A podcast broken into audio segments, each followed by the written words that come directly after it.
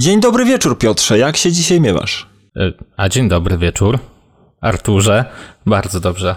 Bardzo miło mi I to dzisiaj słyszeć. jest naprawdę wieczór. A dzisiaj jest tak, dzisiaj jest prawdziwy wieczór, bo specjalnie dla was przez to, że zbliżają się święta i mamy coraz więcej pracy, e, chociaż Niestety, pracujemy cały czas. to nie jest do nas, cho, chociaż to nie jest do nas podobne, bo raczej e, uchodzimy leniów, to e, jesteśmy zmuszeni nagrywać w nocy, ale nie przeszkadza nam to, prawda? Mamy sporo energii, Nie, no ja ogólnie, jest fajnie. Damy radę, Piotrek? no nie wiem, cały czas się pytam, czy do pierwszej damy radę. Myślę, że damy radę nawet i po pierwszej. Będzie dobrze. Niestety weszło nam to trochę na psychikę, to Damy, damy, radę, tak jest. No, I chyba, chyba tobie bardziej, nie? No chyba mnie bardziej, ale to tylko i wyłącznie dlatego, że y, ojciec dyrektor można powiedzieć, że jest moim ziomkiem trochę, nie? Wiesz, Trochę tak. ja nie pamiętam, czy on się urodził w Toruniu, ale wiem, że y, głównie urzęduje w Toruniu, więc mogę uważać, że to jest taki mój ziomek bardziej, nie? No właśnie, jakbyś był w Toruniu, to pewnie byś tam w pierwszym rzędzie teraz siedział na urodzinach Radia Maryja, tak to widzisz, musiałeś zdalnie wszystkiego słuchać. Człowieku, ja bym klaskał na stojąco, to, to falę bym robił meksykańską tam po każdej wypowiedzi. No, także, także, y, no, także jak słyszycie, mamy y, pozytywne nastroje, dobre humory, dobre nastawienie, nagrywamy dla was dzisiaj wieczorem, a muszę ci powiedzieć, że ostatnio, e, ostatnio padłem ofiarą sw- swojej pewności siebie. Aż powiem ci, że jestem w szoku, że, że coś takiego miało miejsce. No proszę. E, Wyobraź sobie, e, w pracy doszło do takiej sytuacji, że jeden z kolegów, e, prawda, ma problemy z higieną. No, myślę, że przez to, że gdzieś tam e, jest z krajów trzeciego świata, jest tutaj niedawno w Europie, wiesz, ja nie chcę, żeby nie było. To nie jest tak, że ja tutaj lecę jakimiś tekstami e, rasistowskimi czy coś, ale po prostu koleś ma problemy z higieną. Po prostu różnice kulturowe i higieniczne. Oj tak, bo, ten, bardzo mocne, bardzo mocne, zwłaszcza, za, e, zwłaszcza zapachowo. E, I wyobraź sobie, że zwróciłem mu uwagę, żeby może po prostu używał jakiegoś dezodorantu albo zmienił mydło, a on się zapytał... Tak zwany British Shower. Tak, a on się zapytał, a on się mnie zapytał dlaczego. Ja mówię, no bo stary, no pachniesz, y, pachniesz chyba tak trochę jedzeniem, nie wiem, które spożywasz, albo jakimś takim tłuszczem od frytek, czy coś, wiesz, a on jest Hindus i tak... y, Opatrznie to trochę zrozumiał, znaczy zdenerwował się bardzo. Ja mu to oczywiście tak nie przekazałem tego wprost, tylko tak bardziej, wiesz, no spokojnie, tak jakoś stary, może jakiś dezodorant, wiesz, laski lubią, czy coś tak dalej. E, No niestety, niestety, nie odbyło się bez jakichś tam konsekwencji spotkania w biurze, wiesz, na tle rasistowskim i tak dalej. A ja po prostu się wybroniłem, że no, no sorry, jeżeli razem pracujemy, to uważam, że powinno się dbać o jakieś takie podstawowe zasady higieny. Ja nie mówię, żeby tam pachnieć, wiesz, Po prostu walczysz o swój komfort w miejscu pracy. Oczywiście, że tak. Psychiczny, fizyczny i przede wszystkim aromatyczny, bo tutaj y, o to się rozchodzi, nie? I y, okazało się, może sprawa się skończyła, wiesz, polubownie, nie w ten deseń, że o, że jestem rasistą czy coś, tylko bardziej, że jestem y, ignorantem i że złamałem pewne tabu, którego się nie łamie. No proszę, czyli nie można ludziom mówić, że śmierdzą. Czy w ogóle, ja myślę, że w ogóle generalnie y, nie wolno ludziom mówić pewnych rzeczy. Myślę, że nie lubimy słyszeć pewnych rzeczy. Tak, i w Polsce o wielu rzeczach się nie mówi. A u nas już w ogóle. E, tak, a i właśnie, nie wiem, czy zauważyliście, bo pogadamy dzisiaj troszkę o tym tabu i ja ci powiem szczerze mówiąc, że jak przygotowywałem się do naszego małego tematu, miałem dużo frajdy przy tym, mimo wszystko tak czytając yy, o tym tabu całym, ale zauważyłem, zauważyłem po prostu o ilu rzeczach właśnie nie można mówić i się zastanawiałem, czy na przykład warto o jakichś sytuacjach i właśnie o tym tabu wspominać u nas na gorącej linii. U nas na gorącej, na gorącej linii o północy, to tak brzmi, wiesz. To samo to brzmi jak tabu.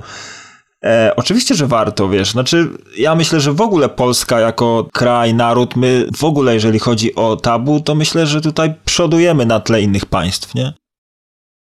Że mamy wiele tematów, o których warto mówić, ale niekoniecznie e, ludzie lubią, jak są poruszane.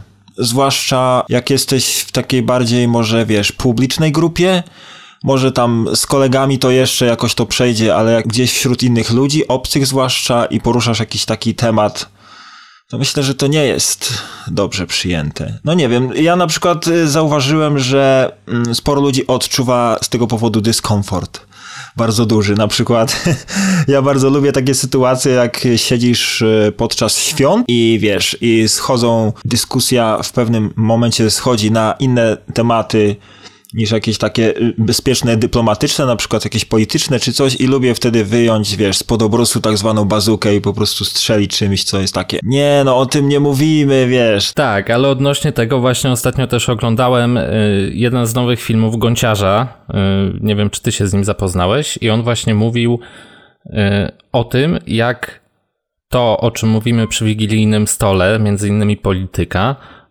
wpływa na relacje międzyludzkie. No i tabu jakby nie patrzeć, tak wpływa na te relacje międzyludzkie, nie?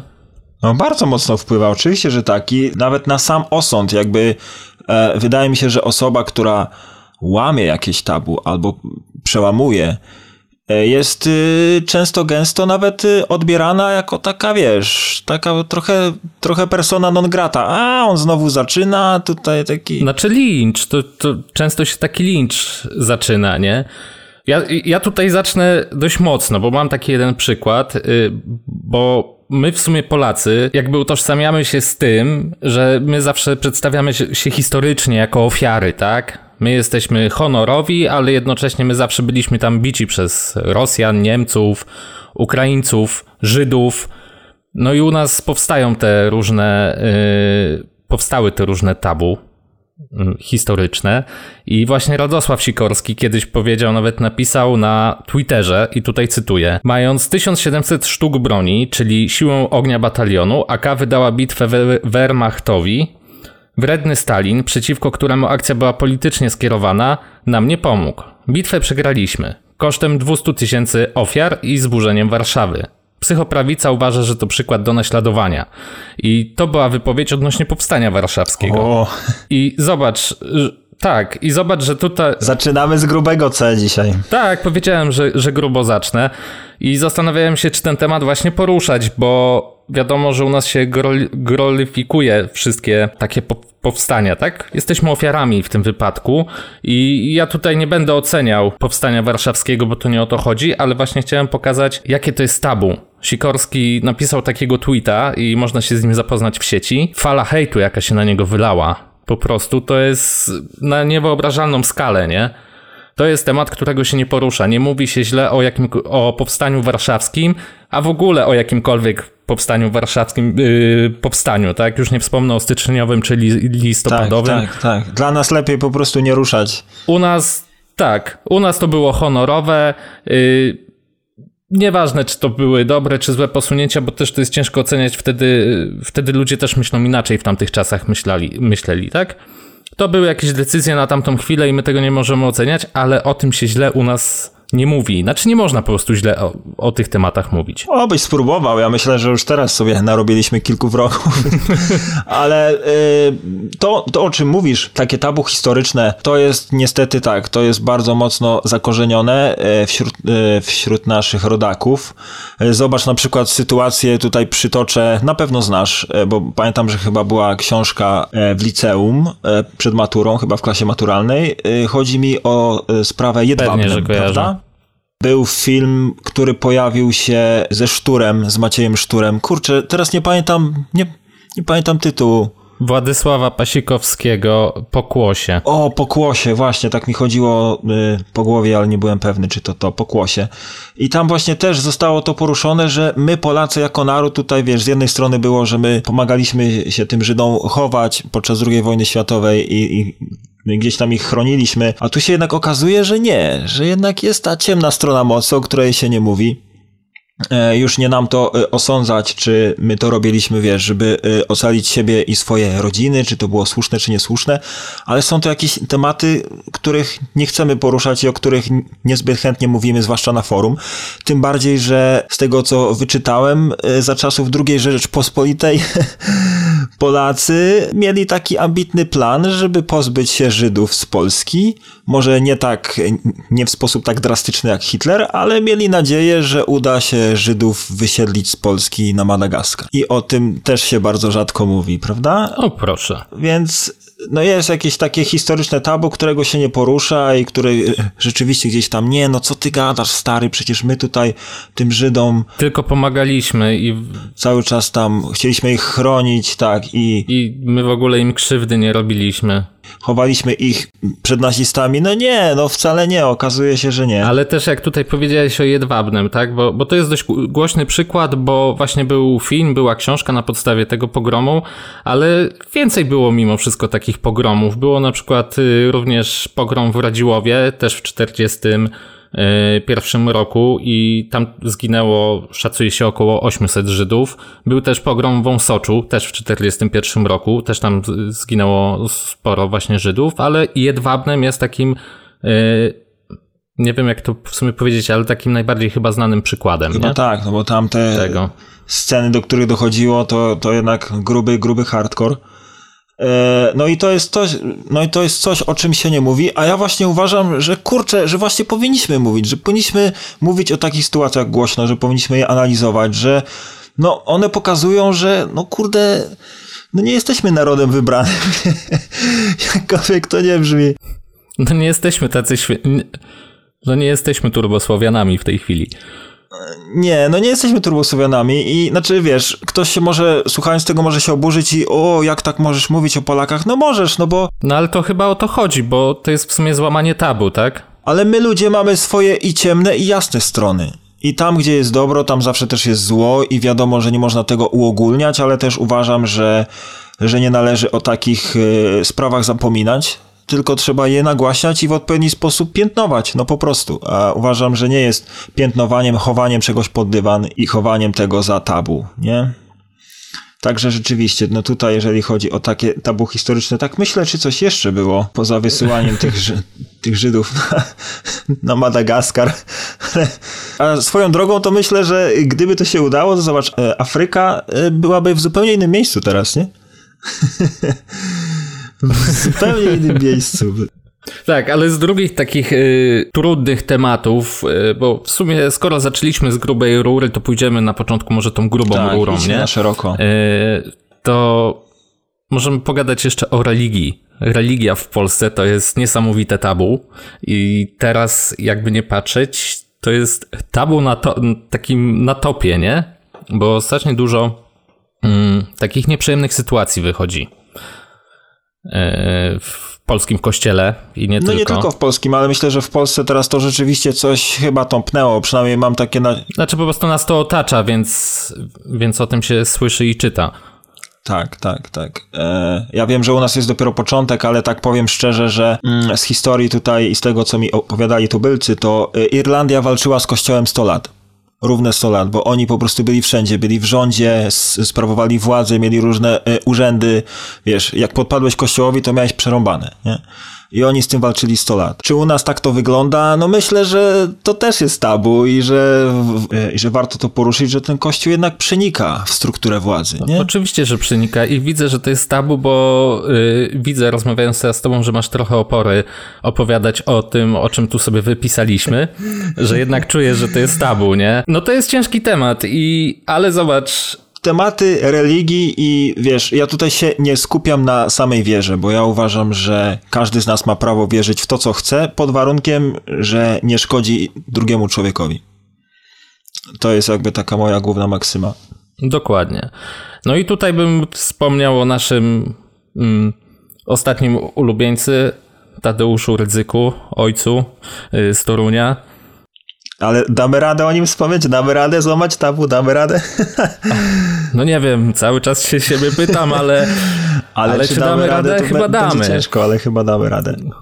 No i faktycznie ostatnio była awantura w mediach, bo ojciec Rydzyk wypowiadał się o biskupie Edwardzie Janiaku jako o męczenniku, tak? A no typ po prostu chronił wszelkie, jakby zamiatał pod dywan wsze, wszelkie, wszelkie afery pedofilskie.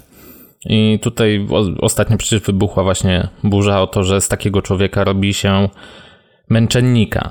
Ale w ogóle wiesz, jeżeli chodzi o afery pedofilskie w kościele, to bardzo mocno się to zamiata pod dywan i najczęstsze co słyszę to jest, e, no ale nie w mojej parafii. No to przestań, to jest w ogóle temat, media to nakręcają, no, nie w no mojej nie, parafii. no pewnie, to, To, jest to nie jest w mojej takie- parafii, bo księdza właśnie przenieśli. Jo, jo, no dokładnie, dokładnie tak. I jest to tak, jest to ciężki temat, jest to temat też kontrowersyjny, no bo weź sobie teraz wyobraź sytuację, że na przykład em, idziesz gdzieś do kościoła, mówisz cokolwiek takiego na forum, nie? Że na przykład, a, a ten poprzedni ksiądz, który był tu i tu, to na przykład był taki i taki i skrzywdził dziecko, to człowieku, to byś był wygwizdany, by cię wyrzucili od razu. Ja nie mówię, to nie jest tak, że ja uważam, że wszyscy księża to, pe, to pedofile, no bo tak nie jest, bo to jest... Nie, bo wiele, wiele, y, wiele osób duchownych dostaje jakby rykoszetem, tak? Tak, Y, tak. Jest dużo. To są ludzie mądrzy, y, ojców wy, y, ten, tak. wykształceni, często wiesz, tacy rzeczywiście ma, Mają naprawdę fajne podejście do życia mający i fajne, tak, i przemyślenie, i jakąś taką, niosą ze sobą fajną ideę, ale nie o to chodzi. Chodzi o to, że okej, w każdym środowisku się zdarzają chorzy ludzie, no bo, ale nie ukrywajmy ich, nie? Tylko mówmy o tym, w sensie, Tak, kurde, no nie- wskażmy ich palcem. Tak, no nie można zamiatać y, tematu pod dywan. Znaczy, może nie wskażmy palcem o, o, koniecznie, ale jeżeli jest taka y, sprawa, to po prostu, żeby to było osądzone, a nie zamiatane pod dywan i że typa się przenosi z jednej parafii do drugiej, tak? No to jest nie w porządku. No, No to, dokładnie, dokładnie, dokładnie. Znaczy raz, że to jest nie w porządku, a dwa, no stary, to w, w tym momencie jest takie, wiesz, niepisane przyzwolenie. Że, że okej, no skoro się coś takiego stało, no to tak naprawdę nic temu komuś nie, wiesz, nie grozi. Tak, no to nie ten są wyciągnięte żadne następny, konsekwencje. Tak, no to ten następny powie, e, ja sobie też zgwałcę dziecko, bo przecież nic mi nie zrobią, tylko mnie przyniosą może gdzieś na małą wioskę Tak, czy może coś, będą inne Trochę dzieci. krępujące, nie Piotrek? Trochę No, krępujący to, temat. troszkę, ale, ale, Niełatwy. ale zobacz, jakie to jest tabu, nie? Że y, ono jest cały czas poruszane ostatnio w mediach. Ono, jakby to tabu troszkę się zdjęło z tego, nie? Porusza się ten temat, a jednak jest problem o tym rozmawiać, bo, bo właśnie to jest tabu. To jest taki koronny przykład. Ale tu jeszcze mówiąc o, o księdzu ryzyku, y, też chyba warto wspomnieć o kardynale Dziwiszu, y, aka Stevie Wonder, jak to się śmieją w O memach. Boże. Nie pamiętam. Nie Nie pamiętam. No, jest taki mem, Tak, y, ale faktycznie z kardynałem Dziwiszem też na jego y, stare lata wyszła właśnie też afera, że też krył afery pedofilskie, nam chyba z pięć, z pięć spraw, o ile się nie mylę, nie? I to przy samym Janie Pawle II. Y, No i tutaj jest kolejne, kolejne tabu, bo w ogóle z tą religią to jest tak, że nie można po, poruszać e, jakby tych tematów związanych na przykład z Janem Pawłem II, to, to jest osoba święta. E, No i o Janie Pawle II też nie można mówić źle, tak? Jakby nie mam żadnych mm, przesłanek, żeby mówić o nim źle, mm, ale nie można powiedzieć o nim źle, a mimo wszystko czasem się gdzieś tam e, o tym wypowiadano nie za pochlebnie, albo powstawały też sztuki. Nie wiem, czy słyszałeś. Teraz po, porozmawiamy trochę o sztuce, kulturoznawco. Słyszałem. Dawaj, dawaj, pochwal się, kulturoznawco. Jedziesz? Jadę. Y, Było takich kilka dość znanych y, rzeźb w ogóle związanych z kościołem. Mm, Między innymi Pasja Doroty Nieznalskiej i były to zdjęcia genitaliów w krzyżu. O, był tutaj dość duży odzew medialny, znaczy hejt się wylał, że, że, że tak nie można po prostu. To tak dość mocno uderzyło w to tabu kościelne, bo to było taka profanacja. E, Ale chyba takim najlepszym przykładem tego jest La Nona Ora Mauricio Catellany, y, który stworzył rzeźbę Jana Pawła II przygniecionego przez y, meteoryt. Kojarzysz tą rzeźbę? Kojarzę, kojarzę. Ona się ostatnio chyba dosyć często pojawia Tak, ona się, e, w memach. tak, ona się też pojawiła w serialu Młody Papież, tam w intrze. Y, Na koniec jakby intra do, do odcinka jest właśnie ta, znaczy nie wiem czy to jest stricte ta rzeźba, czy, czy jest przekształcona, ale to jest nawiązane na pewno do tej rzeźby. No i ta rzeźba była pokazywana na całym świecie i była no i chwalona i krytykowana, tak, przez, naw, przez znawców sztuki, ale w, ale w Polsce wywołała ogromny skandal. Powiedz, powiedz. No właśnie, jeżeli mogę coś wtrącić, to tak jak tą em, rzeźbę z papieżem, spoko, to rozumiem.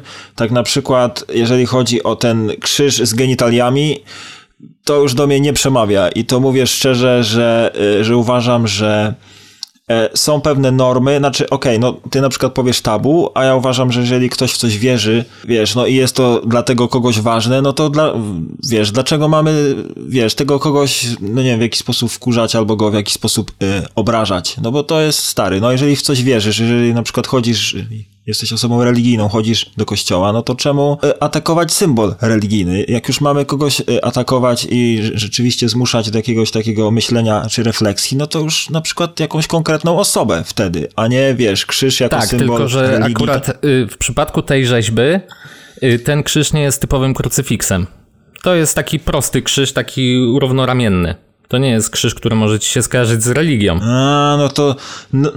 No to teraz mówisz, no to teraz mówisz, bo na początku tak to przedstawiłeś, jakby tu chodziło, wiesz, krzyż zdjęty z, z ołtarza, jakieś genitalia. Nie, nie, nie, tu nie było krutyfi, kruty, krucyfiksu, tu jest równoramienny krzyż i tutaj to teraz jest już to tylko kwestia interpretacji, nie?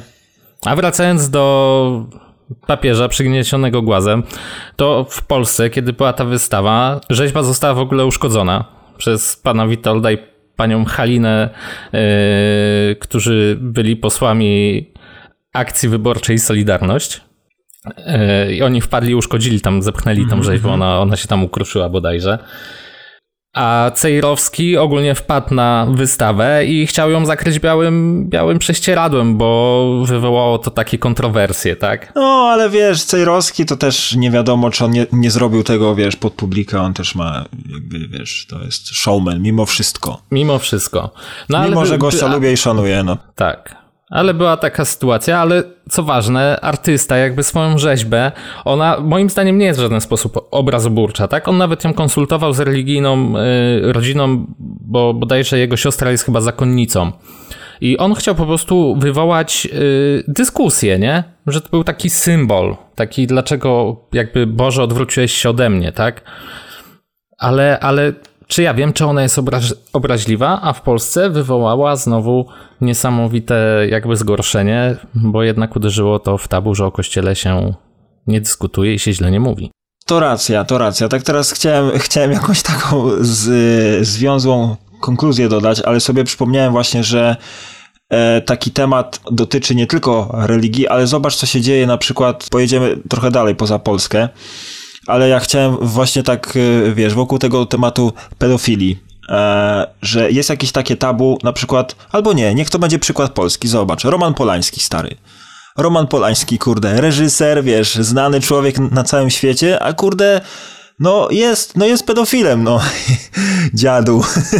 Wiemy, że jesteś pedofilem, no. I to jest, wiesz, no i też to jest taka rzecz, o której się nie mówi, a, bo to kiedyś, bo ona miała 13 lat, bo to jej rodzice się zgodzili, a to ona wyglądała starzej. Bo ona się zgodziła. Stary, ja w ogóle, ja w ogóle widziałem zdjęcia, przecież, no a zresztą, kurde, w ogóle o czym my mówimy? Jaka 13-latka wygląda na, nie wiem, 20 lat, no. Ziom, w ogóle, o co tu chodzi, nie? O co tu, to...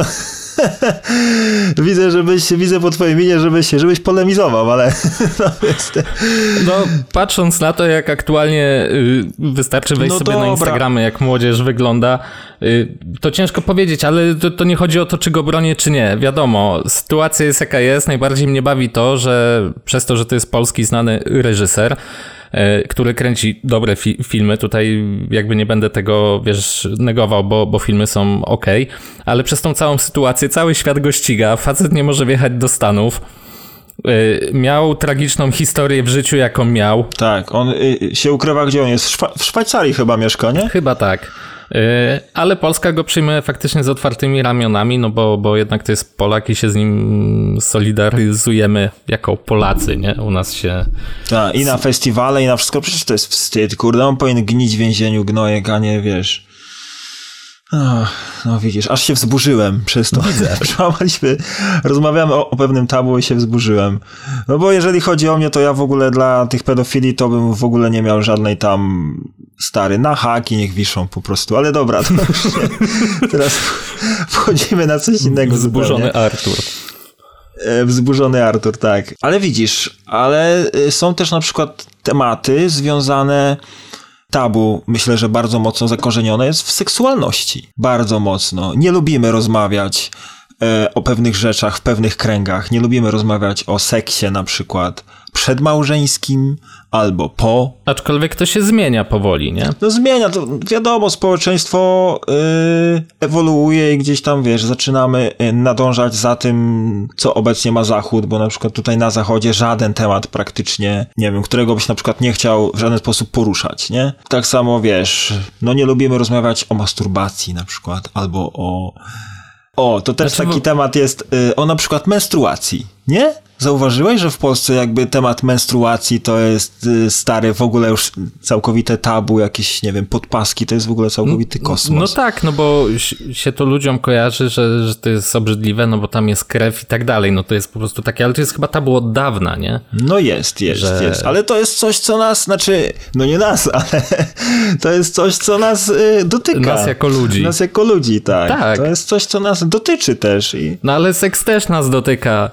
Zobacz, że jak kobieta zajdzie w ciążę i się chwali, że jest w ciąży, to każdy jej gratuluje, ale nikt nie gratuluje fac facetowi dobrego strzału, nie? Nie mówi się o tym, jak do tego doszło, że ona jest w ciąży. To, no jak, to jest jak? takie Bocian właśnie przyniósł, w tym takim... No, bocian przyniósł, no, seks jest... przez lata... No właśnie, to jest w tak, takim niedopowiedzeniu, lata, ale to też jest, zauważ, że y, jak, wiesz, jak dorastasz, jak jesteś młodym człowiekiem, to też rodzice nie potrafią y, o tym rozmawiać z dziećmi, nie? Za bardzo. To jest takie, temat seksualności w Polsce to jest takie, wiesz, no właśnie, a powiedz mi, rodzice z tobą rozmawiali, czy sam się po prostu... Nie, nie, nie, sam, gdzieś tam sam. Jakieś y, ten, y, jak będą to teraz słuchać, to gdzieś tam od czasu do czasu się jakieś pisemko znalazło, jakiś kumpel, wiesz, tam pod, przyniósł pod materacem tego, było... gdzieś u, u, kolegi w domu, Tak, nie? na początku to było śmieszne, a później człowiek zaczął, o, to tak można? teraz to ma sens, teraz to ma sens. A to, wiesz, jak się jest dzieckiem, to jest, a, to jak będziesz starszy, to ci powiem, a bo to wiesz, a to żeby mieć dzieci, to trzeba się najpierw zakochać, wiesz jakie jest. Znaczy tak, bo to jest w ogóle Później dorastasz problem... i się okazuje, że wcale się nie trzeba zakochać. Dokładnie. Znaczy wiesz, to jest ogólnie taki problem, bo on wynika chyba z tego, że z naszymi rodzicami też pewnie nikt o, o tym nie rozmawiał, bo to wtedy było jeszcze większe tabu. Teraz to się w miarę zmienia. Mm i po prostu my sami nie wiemy, jak o tym rozmawiać. My sami nie wiemy, jak z drugą osobą rozmawiać o seksualności. Tak w związku na przykład. Ludzie nie potrafią powiedzieć, czego oczekują. Albo co im nie, odpo- albo co im nie odpowiada, nie? Yy, nie mówię już o uczuciach, co też jest ważne, ale jeżeli jesteśmy w tej strefie seksualności, no to ludzie nie tak. rozmawiają o tym, co im na przykład w łóżku nie pasuje, albo, albo czego potrzebują, nie? Po prostu, po prostu to robią ze sobą. Więc jak ty masz. No... Ale to jest straszne. Stary, jakbyś ty wiedział, ja tutaj teraz nie będę mówił żadnych imion, ale ilu moich znajomych właśnie ten temat poruszało, że że jakby, że na przykład kocha tą drugą osobę, czy się czuje z nią świetnie, ale w łóżku jest y, dupa i on na przykład, on albo ona nie wie w jaki sposób ten temat poruszyć, żeby ta druga osoba się, wiesz, zaraz się nie sfochała, się nie obraziła i tak dalej. E, I no i tak jak wspomniałeś, emocje, stary. Emocje w związku to jest. No właśnie, powiesz dziewczynie, że, że Wiesz, powiesz dziewczynie, że, że tam przygryza trochę zębami w trakcie, to się obrazi, już może zapomnieć o lodziku do końca życia, nie? O, no, no tak, no dokładnie. No może, może, może nie do końca życia, ale na pewno przez, przez bardzo długi czas. Albo do następnej dziewczyny. Rozmowa o samych emocjach. Ja już nie mówię tutaj o na przykład tym, że mówmy na przykład kocham cię częściej czy coś, ale o samych emocjach, to jak się czujemy, co czujemy do tej drugiej osoby, w jaki sposób, wiesz, czy jest to dla nas dobre, czy nie jest dobre, co chcielibyśmy zmienić, wiesz, w jaką to stronę zmierza. Ja myślę, że jakby ludzie przełamali to tabu i zarówno rozmawiali i o tych zainteresowaniach łóżkowych, ale też o tym tak naprawdę, o tych emocjach, o tym, co czują, o tym, czego potrzebują też to myślę, że te związki by szły w zupełnie inną stronę, stary, a nie na przykład się rozpadały po jakimś czasie, bo ludzie tego, jak te związki mają działać, skoro ludzie tego nie przepracowywują, tak? Znaczy byłoby łatwiej. Można znaleźć jakiś konsensus, skoro już się z kimś dogadałeś i z nim wytrzymałeś ileś tam czasu, no to może warto by było w jakiś sposób nad tym popracować i coś z tym zrobić. Ja myślę, że też, jeżeli chodzi o takie same y, emocje, wiesz, na przykład jest coś takiego w Polsce, może, może nie tylko w Polsce, ale jest takiego mit, takiego, wiesz, Herkulesa, twardego faceta, wiesz, z lasu, drwala, takiego Tarzana, że on, wiesz, on się nie wzrusza, jest cały czas maska, on jest twardy, znaczy, no, no jest Tak. twardy wtedy, kiedy musi, ale chodzi mi bardziej o to, że, wiesz, taką e, osobowość ma taka skała, że go nic nie wzrusza, ale czemu nie? No kurde, stary, jeżeli cię wzrusza, cię wzrusza jakiś film, no to, no to płacz, nie? Jakby, jeżeli cię na przykład, nie wiem, czujesz coś, że na przykład byś chciał być częściej przytulany, no czy coś, no spoko, no to No mów to o tym, no to powiedz. nie jest coś, czego, no, no to nie jest coś, czego masz się wstydzić, jakby to jest normalna rzecz, nie? Normalna rzecz. Jesteś człowiekiem i ci twoja- potrzebujesz uczucia, tak? Więc y, Oczywiście, że tak. trzeba po Oczywiście, prostu że mówić tak. o tym, czego się pragnie, nie? A jak cię twoja ten kobieta nie chce przytulać, to idź do sąsiadki. Może sąsiadka cię przytuli. Do sąsiadki albo, albo po prostu użyj dezodorantu, bo, bo to też może być To problem. też może być problem, dokładnie. O Boże, wiesz co ja dzisiaj wyczytałem? No. Nie wiem, czy ta historia miała naprawdę miejsce, bo tutaj siedzimy już właśnie w, tych, w tej seksualności, o związkach mm, i o edukacji seksualnej między innymi. I gdzieś wyczytałem historię, nie wiem na ile ona jest prawdziwa, ale przyszła laska do lekarza i powiedziała, że strasznie ją swędziało tam na dole, nie? I ona wyczytała, że trzeba włożyć czosnek. O Jezus. No. I ona ten czosnek włożyła, nie? I facet y, mówi, no dobra, no to trzeba go wyjąć, bo on już tam dość długo siedział, ona nie mogła go wyjąć. No, no. A ona mówi, no ale jestem dziewicą i ja się boję, że tutaj błona dziewicza mi się zerwie i tak dalej. A facet mówi, no nie ma innej opcji, może, mo, może tak być, że nie będzie pani dziewicą, ale no musimy to wyjąć, Pierwszy nie? raz z czosnkiem. Stary, tragedia. Z parówką też słyszałem taki przypadek. Z parówką, tak, z parówką też słyszałem, no, też słyszałem o parówce. Ja tak w, tak w ogóle słyszałem, że dziwne rzeczy sobie ludzie ten lubią wkładać i to zarówno, zarówno, zarówno kobiety, jak i mężczyźni, także... Tak, y, z tym, że, mę- że mężczyźni zazwyczaj po prostu w kuchni upadli na ogórka, nie? Feralnie, dokładnie, że akurat gotowali nago, no cóż. No tak, ale zobacz, y, tak jeszcze dopowiem a propos seksualności, jest coś takiego, zobacz. Często gęsto jak na przykład młody człowiek, albo nawet nie młody, wchodzi i chce kupić prezerwatywy w sklepie, nie? To jest takie, zwłaszcza jak są inni ludzie z tyłu, to jest takie, dzień dobry, dzień dobry, bo ja bym chciał, ale proszę mówić głośniej, bo ja bym chciał, te, tam, te prezerwatywy. A jaki smak? Eee, I już jest zazwyczaj, wiesz, kurde, no mówmy, mówmy otwarcie. Ja zawsze robiłem taki żart moim kolegom, którzy ze mną byli gdzieś tam, że jak zawsze kupowałem prezerwatywy i się pani z apteki albo ze sklepu się pytała, jakie podać, to ja się odwracałem do kolegi i mówiłem, no, kochanie, na jakie masz dzisiaj ochotę? I, no i oni po prostu, wiesz, error całkowity w bani i ja się tylko śmiałem, bo w sumie to jest takie... Ale ja ci powiem... Trzeba się z takich rzeczy Tak. śmiać, przełamywać. Ja ci no. powiem, że ja się teraz jak o tym powiedziałeś, to ja się czuję trochę jak perwers, nie? Bo jak wchodzę do sklepu, zazwyczaj kupuję, to sobie czytam opakowania i mówię, o kurde, ciekawe co to jest, I bo, bo tam są różne materiały, cu- cudawianki, nie? Ja w ogóle, wiesz, postęp w produkcji prezerwatyw poszedł tak do przodu, że to głowa mała i, to, i masz tak szeroki wybór, że ja po prostu czuję się trochę jak perwers teraz, jak mówisz, nie? Że ludzie się boją.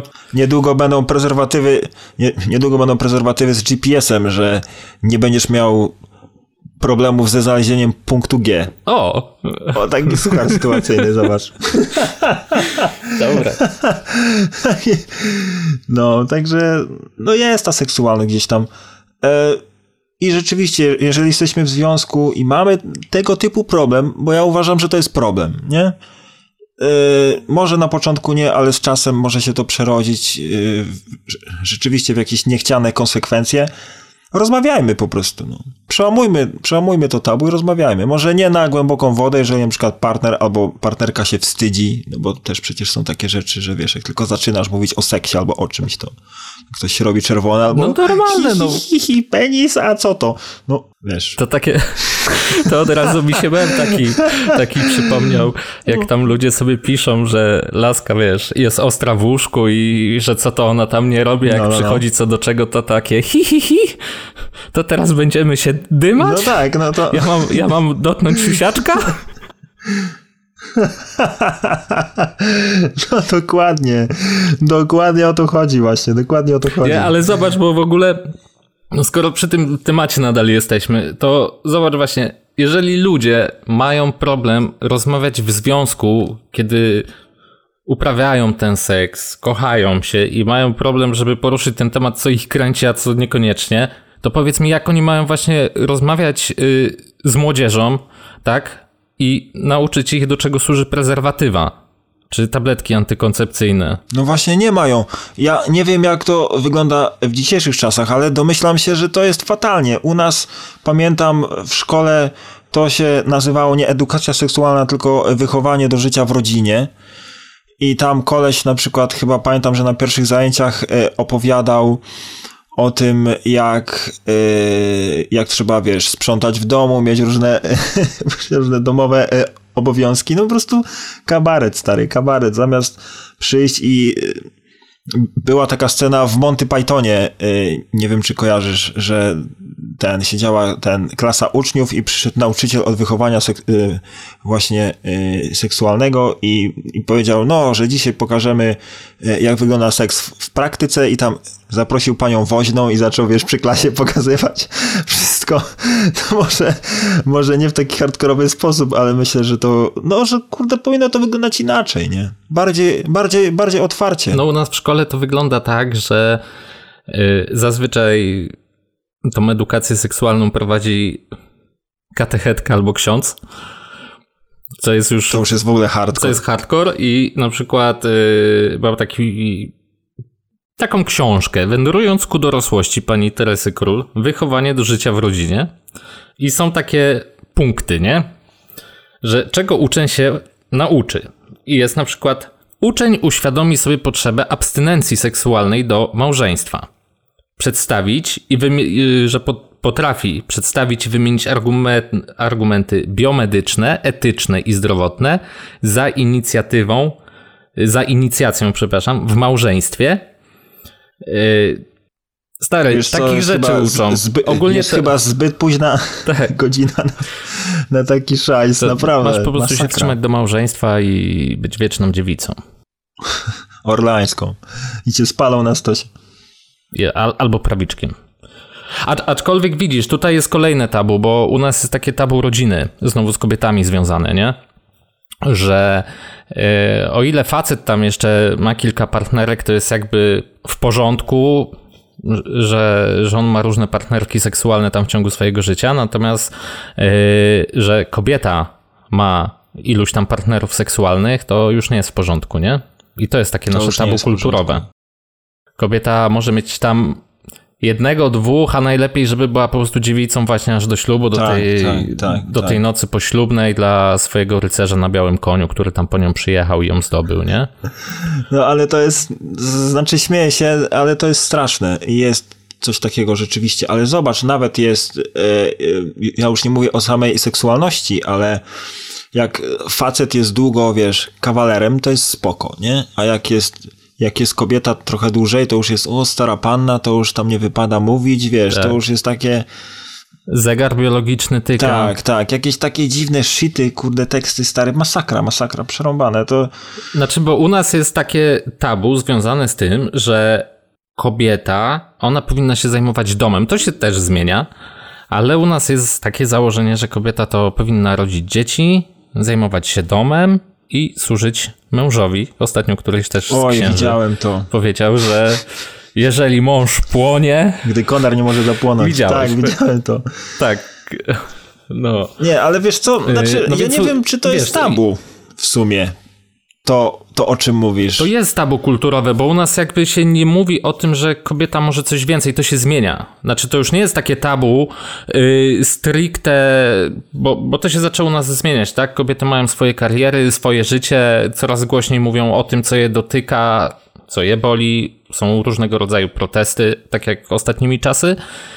Yy, i, i wiesz, i to się zmienia, ale jednak jest takie tabu, że kobieta jednak powinna służyć mężczyźnie, jeżeli jest coś więcej, to już jest nie takie nie w porządku, nie? To, to się o tym nie mówi. Ale zobacz, zobacz, wspomniałeś że kobieta też... może mieć własne życie. Wspomniałeś też o tych o, e, ostatnich protestach. O samej aborcji w Polsce też się nie mówi. W ogóle e, nie mówi się też o na przykład e, niepełnosprawności. Też się nie mówi. I o, i o różnych chorobach genetycznych, między innymi o autyzmie, który też często gęsto występuje. I gdzieś tam to, no nie wiem, w Polsce to jest jakieś takie tabu, zawsze było, że jak była jakaś osoba niepełnosprawna, to było takie, wiesz, o, tylko nie patrz w tamtą stronę, bo on jest, bo on jest, wiesz, bo on jest niepełnosprawny, bo to jest, wiesz, chory człowiek, to jest przykre. Wiesz, czemu? Jakby mi się wydaje, że w momencie, kiedy do takiej osoby zachowujemy się właśnie w ten określony sposób, to jest to jeszcze bardziej krzywdzące, niż abym na przykład do niej podszedł i cześć, co tam. Tak, to jest po prostu takie stygmatyzowanie, nie? Ewidentne, to jest... Bardzo mocno, bardzo mocno, bardzo mocno. I, no i to jest straszne i wiem, że to się w Polsce powoli, ale zmienia, bo gdzieś tam ten program się pojawił Down the Road chyba, nie? On się tak. jakoś tak nazywał. Znaczy ja ci powiem, że bardzo się zmienia. Ja widzę, yy, wiesz, to widać w social mediach, tak? Ludzie młodzi, znaczy ludzie z naszego pokolenia jakby się tego nie wstydzą, że ich y, dziecko jest niepełnosprawne, czy to w znaczeniu mentalnym, czy w znaczeniu fizycznym, tak? Bo są różne jakby y, niepełnosprawności. Stopnie niepełnosprawności, tak. I tak. wiadomo, że takie dziecko można wychowywać y, jakby to powiedzieć, w miarę normalnie. Nie wiem, jakiego słowa tu użyć, ale chodzi o to, jak po prostu normalnego, normalnego człowieka, tak? Wiadomo, że trzeba dostosować pewne rzeczy do takiej osoby, ale nie możemy traktować, yy, nie możemy ich stygmatyzować, nie? Po prostu to się zmienia, bo zobacz, jak yy, ja pamiętam, jak byłem mały, zawsze yy, mnie zastanawiało, dlaczego osoby niepełnosprawne, szczególnie właśnie mentalnie z zespołem Downa czy z jakimś y, stadium autyzmu, chodziły z mamą za rączkę i to było widać, że to jest facet, który ma 40 lat powiedzmy, jego mama ma tam 60 czy 65, nie wiem, wiesz, byłem jak mały, pamiętam taką sytuację. I idzie facet za rączkę z tą kobietą, widać, że to jest stary chłop, ma około 40 lat, ale on był ubrany jak dziesięciolatek. On chodził w takich ciuchach, w jakich ja chodziłem wtedy, nie? I ja pamiętam, że jak ja byłem mały, to ja się po prostu zdziwiłem, dlaczego tak? Dlaczego on tak chodzi ubrany? Dlaczego jest pokazane, że on odstaje jakby, tak? On już odstawał nie przez, przez swoją chorobę, tylko przez to, jak był pokazywany chociażby przez rodziców, nie? No tak, a jeżeli chodzi na przykład o Irish, to muszę powiedzieć, że jestem z nich, z, z nich dumny, że oni tutaj zupełnie inaczej do tego podchodzą. Tu na przykład możesz wejść do Tesco i y, osoba z syndromem Downa y, stoi za kasą i wiesz, ma obok siebie jakiegoś... Y, opiekuna albo nawet nie i po prostu, wiesz, kasuje. I to jest spoko. I tam nikt, wiesz, no nikt nie mówi, o kurna, down jest za, nie wiem, kasą. Ten, mamy ten, mamy przerąbane, musimy zmienić kasę. Nie, to po prostu każdy podchodzi i traktujemy ich normalnie, że pozwalamy im w jakimś nawet minimalnym stopniu przeniknąć do naszego społeczeństwa. I to uważam, że jest bardzo ważne. Znaczy, ja uważam, że to w dużym stopniu, bo w Polsce na przykład y, to sukcesem jest, jeżeli osoba z zespołem Downa ma pracę i y, jak y, chyba w zeszłym roku widziałem, że jakiś pan dostał pracę w urzędzie miasta, nie? To stary, wszystkie trzy telewizje zgodnie o tym trąbiły. Polsat, TVN i TVP. Wszystkie, że to, to było coś po prostu niesamowite, a dla mnie to powinno, ja uważam, że to powinno być normalne, nie? Powinno że wiadomo, normalne, że tak. może taka osoba nie może wykonywać, wiesz, wiadomo, wszystkich obowiązków, bo to, bo to różnie bywa. Nie chcę się tutaj wypo, wypowiadać, ale z, znajdzie się przecież miejsce dla takiej osoby, żeby ona funkcjonowała u nas w społeczeństwie, nie? Ale stary, ale tak samo z, z, tym normalnym traktowaniem, ja teraz nie chcę tutaj tych e, dwóch spraw ze, zestawiać ze sobą, żeby żeby nie było, że y, próbuje kogoś y, obrazić, ale tak samo jest z homoseksualizmem, nie? Że jest takie, wiesz, że którzy są homoseksualistami się właśnie też piętnuje w taki sposób, a weź może w taki sposób do niego, że do niego nie gadaj, bo to gej. No stary, no i co z tego, że gej? No to jest y, w ogóle... Właśnie, nie, nie wiesz się w sumie, nie wiesz jak się w sumie zwrócić, nie? Do takiej osoby, jak o niej mówić. No ale, no ale po co, no ale po co w ogóle mówić? Po co w ogóle dawać jakiekolwiek przypinki? No mów po prostu jak ma na imię, tam jak ma, no to nie wiem, no Robert czy coś, no, no mów do niego tak jak ma na imię, a nie ej, ej, bo to jest ten gej. Nie? No to się często słyszy w Polsce, no, no bo to jest ten gej, nie? Albo... Y, tak, albo, albo słyszysz w pracy, że ktoś nie ma na przykład dziewczyny, jest taki trochę ciepły, nie? Tak, Widać, że trochę, jest ciepły. trochę ciepły. Tak, tak, że jest trochę ciepły, dokładnie. Że go, że go skręca y, ten w lewą stronę. Jak on chodzi do domu, to głównie skręca. Lewo, lewoskrętna witamina C. Lewoskrętna jak witamina C. No ale jest coś takiego, jest coś takiego i to właśnie też chodzi o to, że my w jakiś sposób y, piętnujemy y, osoby zamiast je, wiesz, traktować jako wszystkich na równi. No może teraz brzmi trochę utopijnie, bo może to jest niemożliwe, ale wierzę w to, że w Polsce się to zmieni i gdzieś to pójdzie w jakąś taką lepszą stronę. E, jeżeli chodzi też o to, o czym na przykład nie mówimy, a uważam, że to jest bardzo, bardzo ciekawy temat, nałogi, panie kolego, nałogi. Ale ja tutaj mówię, panie kolego, nie sugeruję w żaden sposób tego do ciebie, tylko mówię tak ogólnie. Jest jakoś tak, nie? Że zobacz, ja nie mówię nawet w rodzinie, ale wśród znajomych na przykład, że na przykład wiemy, że widzimy, że, że ktoś z, jest alkoholikiem. Tak, że jeden z naszych kolegów pije za dużo na przykład i że ma, zaczyna mieć Nie, to ja problem. na przykład to otwarcie tego... mówię zawsze kolegom. I oni mówią otwarcie, ja wiem, że jestem alkoholikiem. Aha, aha. No to widzisz, no to ty jesteś taki, ale wiem, że są ale, tacy ale ludzie, którzy, się... którzy nie mówią, nie? A, że tam piwko, tam dwa razy dziennie, trzy razy dziennie piwko, tam po robocie to można, wiesz, no, no to też jest trochę tabu, no to też powinno być poruszane. Że... Znaczy, wydaje mi się, że w ogóle sama rodzina jest tabu, bo zobacz, że tak jak nauk, alkoholizm często prowadzi do przemocy fizycznej. Doktor nauk, pamiętasz tego gościa? Yy, nie. Yy, ale wiesz, często prowadzi do przemocy fizycznej w domu, nie? Yy, na przykład alkoholizm i zobacz, że nie wypada mówić o tym, co się dzieje w domu. A to jest w ogóle straszne, to jest Zobacz, okropne. ile jest tragedii rodzinnych, o których się nie mówi, bo na przykład dzieci boją się o tym mówić, to po pierwsze. Żona też się boi o tym mówić, y, bo wiesz, bo łobuz kocha najmocniej, tak, tak, nie? Tak, On przypierdzielił mnie, ale, ale potem mnie przytulił i powiedział, że mnie kocha, nie? Ale mało tego, sąsiedzi nic nie robią, nie? Ja na przykład mam coś takiego i sam y, rzeczywiście nawet była taka sprawa, że e, u nas w kamienicy w Toruniu e, nad nami wprowadziła się rodzina Czeczenów. E, I była taka sytuacja, że byłem, ja wtedy jeszcze byłem palący i byłem akurat na podwórku i normalnie słyszałem, jak, nie wiem, wrócił ten ojciec z pracy i chyba wziął pasek czy coś, nie wiem, tam były krzyki, jakieś wrzaski. Stary, nikt się nie ruszył, tylko ja tam wleciałem wściekły, bo ja jak słyszę, że ktoś bije dziecko, to mi się coś dzieje w głowę. To, to powiem szczerze, jak tylko, jak ktoś bije dziecko albo ktoś krzywdzi tego zwierzaka, to mi się po prostu jakieś, nie wiem, klapki mam na oczach i po prostu, wiesz, staram się tą sytuację jakoś uspokoić. No jest tak jak mówisz, przemoc w rodzinie to jest tabu też wśród sąsiadów, że to jest takie ty, a ten z poczwórki znowu tą tam go się leje.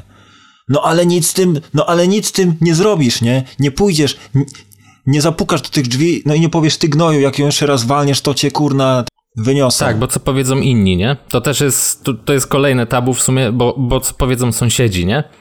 Że ja jestem ten donosiciel, bo u nas się nie donosi na kogoś. I zobacz, co jest zabawne, że potem, znaczy zabawne to jest tragiczne, złego słowa trochę użyłem, że jak dochodzi już do jakiejś tragedii, że na przykład ktoś zostanie w wyniku tej przemocy domowej zabity, stanie się jakaś tragedia, zadziegany nożem, cokolwiek i jest na przykład temat w telewizji, wiesz, się o tym mówi w telewizji, to wtedy wszyscy sąsiedzi nagle mówią, no tak, tak, tak, no tak, tak było. było. tak, on ją tak bił od dwóch lat. trochę nerwowy. Tak, on, on, dużo, pił, nie? To jest to, on dużo pił, no. I, i, I wtedy nagle wszyscy się otwierają, jak już rozegrała się tragedia, to wszyscy się otwierają i mówią, no faktycznie tak było, no. Ale czemu nikt z tym nic no nie tak, robił? no bo jak, wiesz, bo jak to nie mam idzie w media, pojęcia. to ci ludzie próbują się oczyścić, nie? może nie przed tymi innymi ludźmi, ale nawet przed samym sobą, że wiesz, próbują zagłuszyć sumienie, że a mogłem coś zrobić. No mogłeś coś zrobić, nie? No jeżeli jest taka sytuacja, to mówmy o tym, nie? I ja uważam, że zgłaszanie problemów to nie jest y, donoszenie. No tutaj, tutaj to też jest bardzo często gęsto y, właśnie w Polsce, że ten no, że to się ludziom miesza, nie? Donoszenie na przykład, no a y, to, co wspomniałeś, że Hmm, ludzie nie lubią donosić. To mi taki suchar wpadł. Kolejny sytuacyjny, że to właśnie wyjaśnia, dlaczego listonosze często zostawiają awizo, bo nie lubią donosić. Ha, ha, ha, stary, w ogóle co się dzisiaj dzieje, jakie flow. Nie wierzę, nie wierzę. um, no i tak to jest z tymi sąsiadami. A właśnie, Chciałem jeszcze poruszyć jeszcze jeden bardzo ważny temat. Myślę, że może nie najważniejszy, ale bardzo ważny rzeczywiście, to w Polsce istnieje coś takiego jak tabu na temat depresji i samobójstw związanych też z depresją. Że to jest też rzecz, o których się nie mówi. Mało tego, myślę, że jak się pojawia gdzieś temat depresji, to jest takie, nie, nie, nie, nie, cicho, cicho, może, ni- może tobie nic nie jest, może to tylko jesienna handra. Tak, pewnie leniwy, jesteś leniwy, dokładnie, weź się, w garść, inni mają gorzej. gorzej. Zobacz, jak mają dzieci w Afryce, oni tam w ogóle wody, wody nie mają, a ty masz pod dostatkiem, o co ci chodzi? To jest, nie, no to jest straszne i przerażające, że właśnie depresja mimo wszystko, mimo tego, że mamy dostęp do mediów, y, do social mediów, że te informacje tak szybko przenikają, wiesz, do ludzi, o czym już też rozmawialiśmy e, w odcinku na temat technologii, gorąco polecamy, to y, depresja i samobójstwo to jest wciąż bardzo mocne tabu. My o tym po prostu nie chcemy mówić. Znaczy, w ogóle mi się wydaje, że choroby psychiczne to są taki temat tabu, nie? No bo depresja jest chorobą po prostu psychiczną.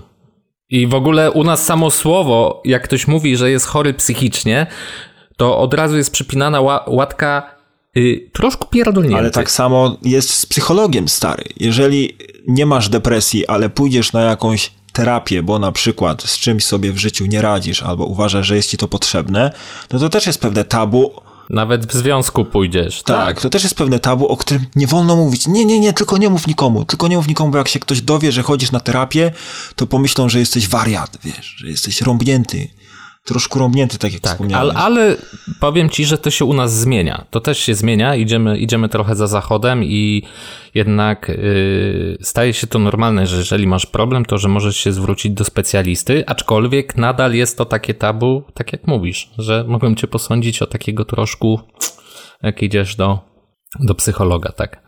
Mało tego, myślę, że mega krzywdzącym jest brak wsparcia ze strony rodziny – Tabu wśród obcych to sprawa drugorzędna, brachu, ale brak wsparcia i zakaz mówienia o terapii w rodzinie, jakby to był powód do wstydu, jest druzgocący, men. Powiedz mi, brachu, jak tacy ludzie mają iść i przepracować traumy czy lęki, jeśli nie mogą mówić przez tabu we własnej rodzinie? No ale to widzisz między członkami rodziny, a mówiliśmy przed chwilą o związkach, że ludzie nie potrafią ze sobą rozmawiać. Jak nie potrafią rozmawiać o uczuciach. No tak, no, jak oni mają rozmawiać że o tak, swoich oczywiście, problemach, że tak, nie? no ale to jest właśnie coś, co powinniśmy zmienić i to right now, teraz, od razu, nie za 10 lat, nie za 5, tylko po prostu teraz jak najszybciej. Bo rzeczywiście te... Powinniśmy po prostu złamać to tabu. No powinniśmy złamać to tabu, dokładnie. Powinniśmy się z niego wyłamać. A jakby tak się zastanowić, nie? Tak mocno możemy sobie teoretyzować teraz. Yy Jakie są te nasze takie, wiesz, mechanizmy y, obronne? Co nas powstrzymuje, stary, przed tym, żeby, wiesz, żeby tego tabu nie złamać, nie? Znaczy, y, wiesz, y, ja nie mówię o nas, bo mi się wydaje, że my jesteśmy, no tak jak słychać, jesteśmy mega otwartymi osobami, raczej złamaliśmy to tabu wiele razy dzisiaj. E, aczkolwiek, no, no coś nas zawsze gdzieś tam mimo wszystko nas albo innych ludzi powstrzymuje przed to, żeby Znaczy wiesz, samo tabu, powiedzieć. samo tabu to jest w sumie określeniem, tak, które mówi o tym, że jest tak silnie nacechowane kulturowo, że jakby złamanie mm, tego, tego zakazu kulturowego prowadzi do jakiejś stygmatyzacji, nie? I to jest właśnie ten... No tak, no niesie ze sobą pewne I, konsekwencje. I to po prostu jest tak, ten lęk. Ale, no, no ale skąd to się bierze? Uwarunkowane kulturowo. Ciężko powiedzieć skąd się to bierze. Po prostu większość tak myśli, nie? Jeżeli większość tak myśli, no to jeżeli ty będziesz myślał inaczej, to zaczynasz odstawać od większości, więc już jesteś inny. I to jest ten strach o, wiesz, przed odrzuceniem, tak? To jest w momencie, kiedy ty poruszysz jakiś właśnie temat, złamiesz jakieś tabu, ale wszyscy inni myślą inaczej, że nie powinno się o tym mówić, że nie powinieneś tego poruszać. A ty o tym mówisz, no to po prostu jesteś inny, jesteś usunięty jakby, by, wiesz, wykluczony ze społeczności, tak? Z automatu. Zaczynają cię wykluczać, czy stygmatyzować i mówią, patrzcie, to ten, to ten walnięty, co tam... To ten, co gada o M Mówi o tym, co, co robi, tak, co, co mówi, wiesz, co powiada o tym, co z, z kobietą w łóżku robi.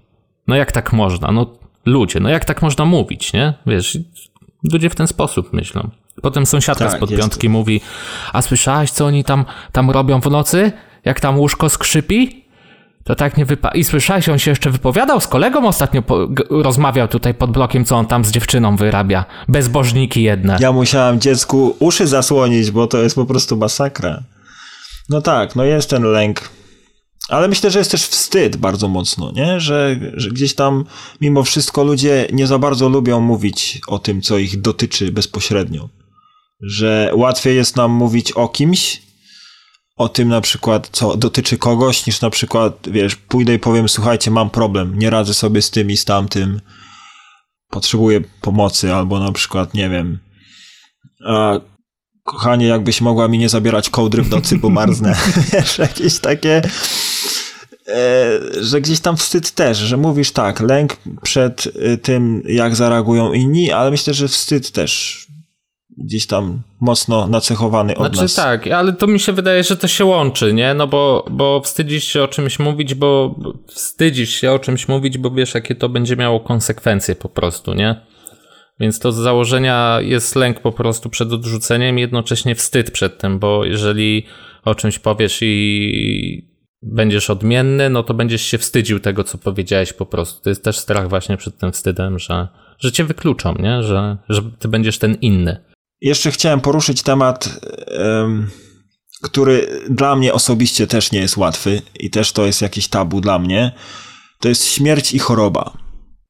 W sensie w naszej kulturze za często się nie słyszy o tym, żeby ktoś rozmawiał o śmierci. Okej, jeżeli ktoś zginie czy coś, to się mówi rzeczywiście, ale nikt się nie skupia na samej śmierci, nie? To jest bardzo szybko gdzieś tam chowane pod dywan i wiesz, czemu przyszła ta śmierć, dlaczego, jaka choroba była z tym związana. No po prostu o tym się nie mówi. Jak ktoś umrze, to go najlepiej spa- spakować jak najszybciej do szuflady i zakopać do, do ziemi i wszystko. Tak, no kiedyś, y, kiedyś też było inaczej. Nie wiem jak to w miastach, w miastach też podobnie, ale to jakby zostało szybciej wyparte. Ale na wsiach było tak, że jeżeli ktoś umierał, no to ciało było, było wystawiane albo tam na parę godzin w tej chwili jest wystawiane w domu nieboszczyka. Kiedyś to było nawet kilka dni. I cała wieś mogła przyjść i się z tą osobą pożegnać po prostu. Tak było obcowanie jakby z tą śmiercią. To, była, to, to już był początek właśnie tej żałoby takiej pożegnania, odprowadzenia w zaświaty osoby zmarłej. A w tej chwili to wygląda tak, że jak ktoś umiera, no to jest takie, no to co, dzwonimy tutaj do, do Skrzydlewskiej, to taka, nie wiem czy w Polsce, w Łodzi znana firma pogrzebowa, e, żeby jak najszybciej przyjechali z lodówką i pacjenta zabrali, bo no tyle, nie? I potem się widzimy na pogrzebie tylko. E, Często się nawet już trumny nie otwiera, bo nawet nie wiem, czy to nie jest prawnie jakoś tam zakazane. Tak? Bo ja pamiętam, że jak byłem dzieckiem, to się otwierało. Tak, tak. Y, No ale nie jestem pewien, ale, ale ponoć tak. No i właśnie teraz to wiesz, to tylko trumna czy, czy, czy urna do grobu i jakby już zapominamy, tą żałobę też krócej się nosi, nie? Znaczy kiedyś jakby oficjalnie się nosiło. Wiadomo, że każdy indywidualnie przeżywa żałobę, ale kiedyś na przykład, nawet jeżeli tą żałobę wewnętrznie skończyłeś wcześniej, to i tak powiedzmy w tych ciemnych ubraniach pokazać tą żałobę, że cały czas się ma tą żałobę, nosiło się rok. Powiedzmy się, cały czas gdzieś no, z tą śmiercią obcowało, nie? Później miesiąc, a teraz to już jest takie, no w zasadzie jak już pochowamy, to już, już koniec, już się zajmujemy swoim życiem. To prawda, ale ja też tak, wiesz, mm, myślę o takiej śmierci e, w takim pojmowaniu w naszym życiu codziennym, że to jest gdzieś tam, wiesz, ja teraz nie chcę mówić jako kolej, że o, mamy być jakimiś emo, chodzić na czarno i myśleć, o kurde, e, śmierć przyjdzie, no to już mnie nie będzie na tym świecie i tak dalej, ale gdzieś tam zapominamy o tym i staramy się o tym nie myśleć, a e, ja słyszałem kiedyś taki cytat, który Dalai Lama e, powiedział, to e, żeby zacząć myśleć o życiu, musisz zacząć myśleć o śmierci. I, no i mi się to bardzo mocno spodobało, bo no, no mimo tego, że ta śmierć gdzieś, gdzieś na nas czeka, chociaż ja myślę, że będę e, nieśmiertelny. Ty w sumie też, bo już mamy ten podcast, więc, więc gdzieś tam zawsze będziemy. e, jakaś pamięć ten zostanie w czeluściach internetu, ale bardziej mnie to motywuje. Żeby działać, bo wiesz, że to życie jest jedno i że ono może się kiedyś skończyć, wiesz, że nie jest niewyczerpalne i ten, ale teraz zajechaliśmy taki temat, powinniśmy poruszyć na samym początku. Znaczy ja wiem z czego to wynika, ludzie po prostu myślą bardzo życzeniowo, nie? Jeżeli coś się komuś dzieje, e, jeżeli ktoś ma raka, dużo osób ma raka, to każdy z nas sobie myśli, mnie to nie dotknie, nie? Nieważne, że na przykład w rodzinie może mieć obciążenia po prostu genetyczne do, do zachorowania na jakiegoś raka, e, że babcia, mama, prababcia miały taką chorobę na przykład, czy tam dziadek, nie? E, ale się u nas myśli, mnie to nie dotknie. U nas, u nas, tu masz rację, że się o tym nie myśli, nie? A w zasadzie możesz wyjść po prostu z domu i może cię walnąć samochód na przejściu dla pieszym. A, I w sensie, wiesz, masz dużo rzeczy, które możesz robić, żeby jakby przeciwdziałać niektórym rzeczom. Na przykład może... No tak. Rakowi nie możesz, Zdrowie ale wystarczy... Odżywiać. Tak, możesz się zdrowiej odżywiać, więcej się ruszać, yy, nie palić papierosów, i jakby już te, widzisz się zaciąłem, bo wiem co chciałeś, wiem co to znaczyło. Artur tak wymownie na mnie spojrzał. No bo Piotrek cały czas pali. Mi się udało zerwać z nałogiem, a, a Piotrkowi jeszcze nie. Tak, elektroniczne przede wszystkim. E, ale tak, ale możesz to zrobić, tak? I jakby masz jakiś, jakąś możliwość, może nie to, żeby totalnie zapobiec, bo, bo to różnie w życiu bywa, ale możesz się przyczynić do tego, że masz na przykład y, mniejsze prawdopodobieństwo zawału serca, właśnie, nie wiem, raka płuc i tak dalej, żeby to mieć, nie? A ludzie jednak myślą, jak palą papierosy, właśnie się nie ruszają, mówią, e, tam no, mnie to nie dotyczy, mnie to nie spotka. To jest takie życzeniowe tak, myślenie, tak, nie? Tak. I jeszcze jedno, jeszcze y, jedno, teraz mi właśnie wpadło do głowy, też bardzo ważne, a propos tego myśleniu o śmierci, że badajmy się profilaktycznie, bo w Polsce się tego nie robi. W sensie, że wiesz, są jakieś te wcześniejsze badania, wiesz, potrafiące wykryć jakieś guzki czy coś. Ktoś powie, a ja nie chodzę do lekarzy, bo jak pójdziesz do lekarza, to mi znajdzie tam tysiąc chorób. No nie, właśnie o to chodzi, że pójdziesz do lekarza i on będzie w stanie ci powiedzieć wcześniej, na przykład, żeby coś wyleczyć, zanim to coś się rozwinie i stanie się z tego coś, coś poważniejszego, to po prostu możesz to zrobić szybciej, nie? Ale widzisz, tu też się pojawia taka kwestia, znaczy dobrze, że o tym powiedziałeś, nie? Ale to, co w Polsce zauważyłem i co bardzo mi się nie podoba, że takie akcje są często skierowane do osób starszych, nie? Na przykład rak piersi. Jest tam do osób chyba po, do kobiet po 40 roku życia yy, skierowany program. A dlaczego tego programu nie ma dla osób młodych? Osoby młode często zapadają na, na tego typu nowotwór.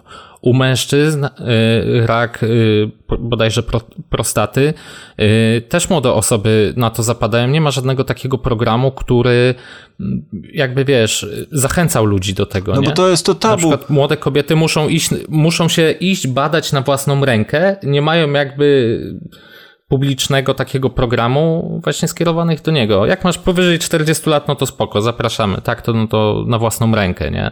Młodzi mężczyźni, którzy najwięcej zapada na raka prostaty w wieku od 20 lat bodajże jest to największe ryzyko, tak w wieku 20-30 lat nie ma takiego programu, nie? Może gdyby więcej takich programów, bo ludzie by się też więcej badali. No ale to właśnie nie wynika z tego tabu, że jest taki, wiesz, kult młodości, że tak to powiem, tak to nazwę w takim, wiesz, cudzysłowie, że o, jesteś młody, piękny, to tam nie będziesz na nic chorował, no to jest właśnie to, że się nie mówi o tej śmierci, że ona gdzieś tam w przyszłości będzie prę prędzej czy później, że się o tym, no bo ktoś mówi, a ja tam o śmierci nie myślę, bo to jest smutne, no, no nie właśnie, no to jest jakby część życia, nie? Ale teraz zajechałem takim Paulo Coelho, no ale tak jest właśnie, no. tak jest właśnie. Paulo Arturo. Pa Paulo Arturo, dokładnie. Także. Ale tak, tutaj się z Tobą zgodzę w stu procentach, że coś takiego występuje. Nie myśli się po prostu o tym, no bo jesteś młody i masz całe życie przed sobą. A my powinniśmy myśleć, ale może nie w takich kategoriach dołującym, że o kurde, nic nie będę robił, bo i tak umrę, bo to bez sensu, tylko e, no rób jak najwięcej, no bo i tak umrzesz, nie? Badumc, tak. Także i tym jakże dziwnym akcentem. e, ale się zamyśliłem, aż mnie jakieś takie refleksje zaczęły nachodzić. Tak, ja, ja też, ja też. E, więc myślę, że tym akcentem... Że to jest bardzo dobry właśnie mm, moment, żeby to skończyć. Przemyśl... Jakoś, tak, jakoś podsumowujemy to. to, co mówiliśmy? Znaczy ja bym podsumował tak, że bo poruszyliśmy różne tabu, ale przede wszystkim tu chodzi chyba o to tabu takie dotykające właśnie takie międzyludzkie typowo. Ja nie mówię o tych dużych tabu, o których mówiliśmy na początku.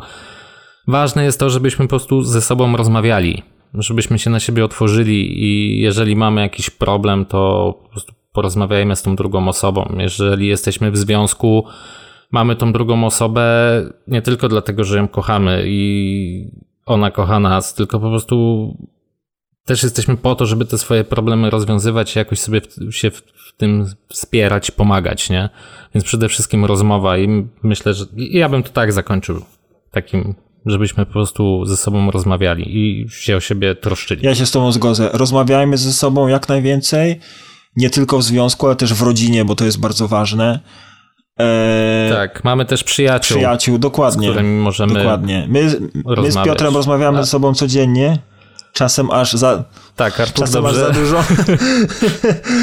tak, Ar Artur dobrze wie, wie o czym mówi, bo gadamy naprawdę często. I, I to o różnych tak, problemach. I, no i warto, warto, być, warto być otwartym, otwartym na nowe doznania, otwartym na nowe ludzi i otwartym na nowe emocje przede wszystkim. Więc też, jeżeli coś czujemy, to róbmy albo zachowujmy się tak, jak czujemy. Nie chowajmy tego, nie róbmy nie dokładajmy kolejnej cegły do tabu, tylko po prostu bądźmy sobą, mówmy to, co czujemy.